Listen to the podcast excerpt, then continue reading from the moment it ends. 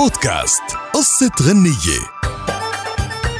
قصة أغنيتنا لليوم لنجم الأغنية الشعبية المصري حكيم وهي بعنوان افرض مثلا.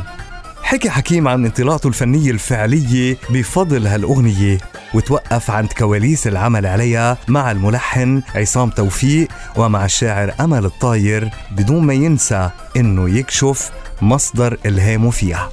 شهدت أغنية افرض مثلا انتشار واسع بوطننا العربي ورسمت الخطوات الأولى لحكيم وحولته من مغني مصري إلى نجم عربي. الطريف بهالأغنية هو إنه عكس ما كان معمول فيه بتلك الفترة ولدت لحنا وبعدين إجا النص. كما أنها ولدت من جملة علقت بأذن حكيم بعد ما سمعها صدفة لأغنية شعبية بصوت غير معروف بتقول افرض مثلا إني سبتك وخصمتك. وطلب حكيم من الشاعر أمل الطاير إنه يكتب الكلام على وزن اللحن الموضوع معتمد على فكرة سؤال الحبيب لحبيبه بطريقة افتراضية ليعرف جوابه.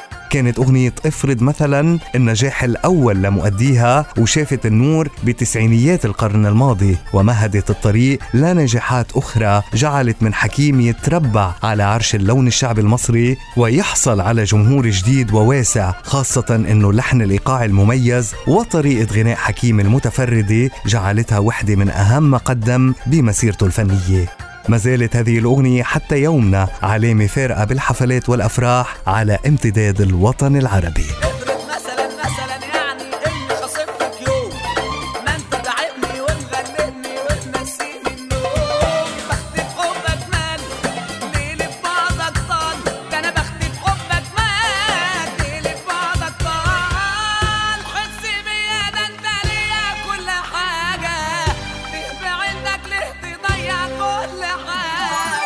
بودكاست قصة غنية.